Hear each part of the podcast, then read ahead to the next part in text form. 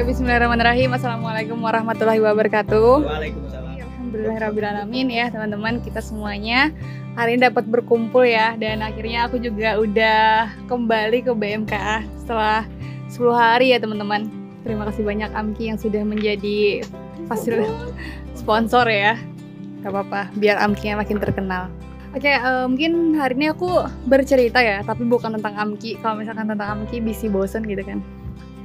Nah, aku tuh kemarin di Banjarmasin sendiri ngalamin beberapa hal dan ngalamin beberapa pertemuan juga ya dengan kawan-kawan alumni dari Politeknik Kesetaraan Sosial Bandung. Nah, mungkin ada beberapa orang yang udah aku ceritain ya, kalau misalkan alumni dari STK sendiri yang khususnya di daerah Banjarmasin atau Kalimantan Selatan itu biasanya ditarik langsung gitu teman-teman ke dinas sosial, ke panti-panti gitu-gitu dan bahkan ya aku juga hampir aku ditawarin ya, tapi memilih jalan yang berbeda gitu.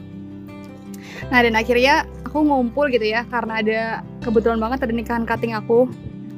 Terus akhirnya tuh di nikahan itu ketemu gitu ya beberapa orang obrolannya tuh udah beda gitu kerasa banget obrolan udah beda terus juga uh, pas nikahan itu pokoknya banyaknya anak orang-orang ini lah ya dinsos pejabat-pejabat gitu yang datang karena emang pegawai dari di sana gitu ya.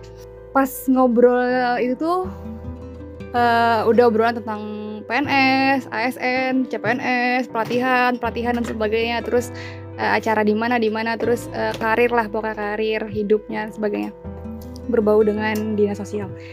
Uh, aku yang kadang agak susah ya pas ditanya uh, sebagai apa Salwa karena emang kalau misalkan dilihat track recordnya hanya aku yang menyimpang gitu ya dari cutting-cutting aku dari adik-adik aku dari teman-teman aku.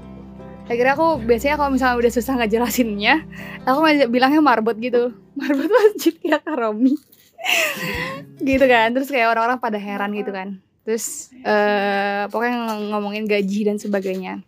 Akhirnya aku merenungkan ke diri aku. Jangan masuk podcast kak.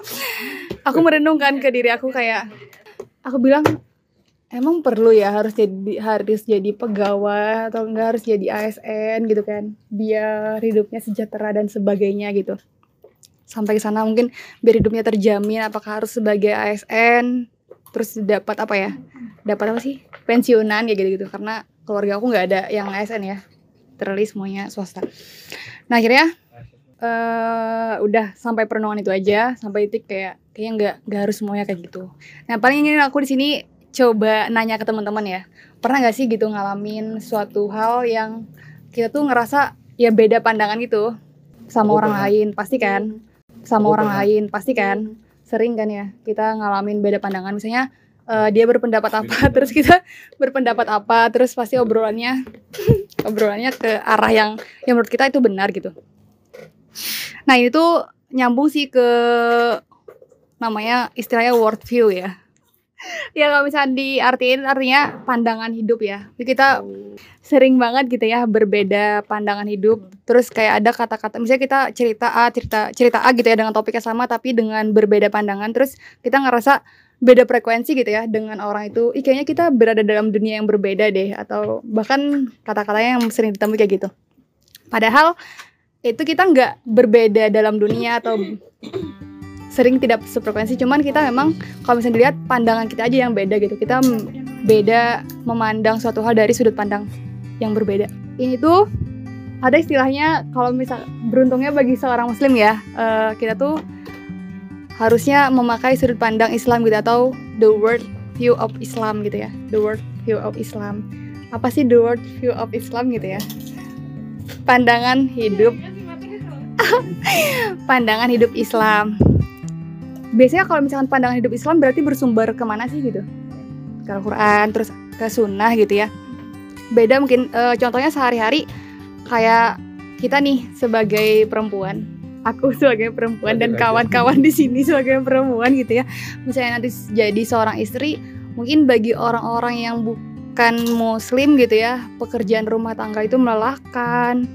Apa-apaan sih gitu ya? Apa-apaan sih uh, beresin kamar setiap hari gitu ya, beresin rumah setiap hari, cuci piring dan sebagainya gitu ya. Tapi beda kalau misalnya kita punya sudut pandang Islam tadi gitu ya. Kalau misalnya kita sebagai anak ataupun sebagai istri yang di mana kita anak mengambil kejadian di balik kejadian itu semuanya uh, apa sih berbakti pada orang tua gitu ya terus itu tuh sebagai ladang pahala gitu ya menyajikan semuanya untuk suami nantinya uh, ada juga itu hal-hal yang mungkin dalam dunia sekarang banyak dibawakan oleh kaum kaum feminis tadi gitu ya sama orang-orang yang mungkin filsafat-filsafat di arah sana atau orang-orang Yunani di sebelah sana tuh mereka selalu suka mencari kebenaran ya karena mereka menganggapnya Tuhan tuh ada, Tuhan yang menciptakan dunia ini, tapi setelah itu Tuhan tuh meninggalkan. Makanya banyak banget filsafat tuh mencari kebenaran, mencari kebenaran, mencari kebenaran gitu ya.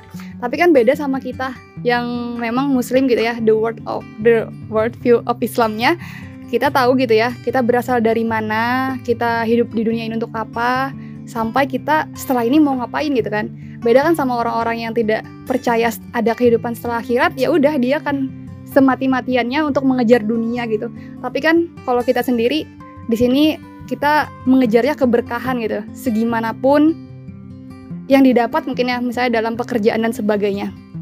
Itu sih jadi dalam kesimpulan ketika aku merenung itu kayak it's okay gitu. Semuanya or, semua orang punya pandangan beda, semua orang punya kepentingan yang beda-beda atau kebutuhan yang beda-beda. Yang penting berkahnya gitu. Apa sih yang kamu cari di sini gitu ya? Bukan berarti mereka di sana nggak berkah ya teman-teman. Nah uh, jadi yang aku sampai ingin sampaikan di sini harapan aku ya jangan pernah lepas dari dasar-dasar agama Islam sendiri. Karena emang agama Islam tuh udah sempurna banget ya. Udah dari kita berasal buat apa kita hidup sampai mau ke mana kita udah di udah jelas lah ya harusnya. Jadi Al-Quran dan Sunnah nggak boleh lepas dari kehidupan kita sehari-hari. Itu aja sih dari aku. Assalamualaikum warahmatullahi wabarakatuh. Waalaikumsalam warahmatullahi wabarakatuh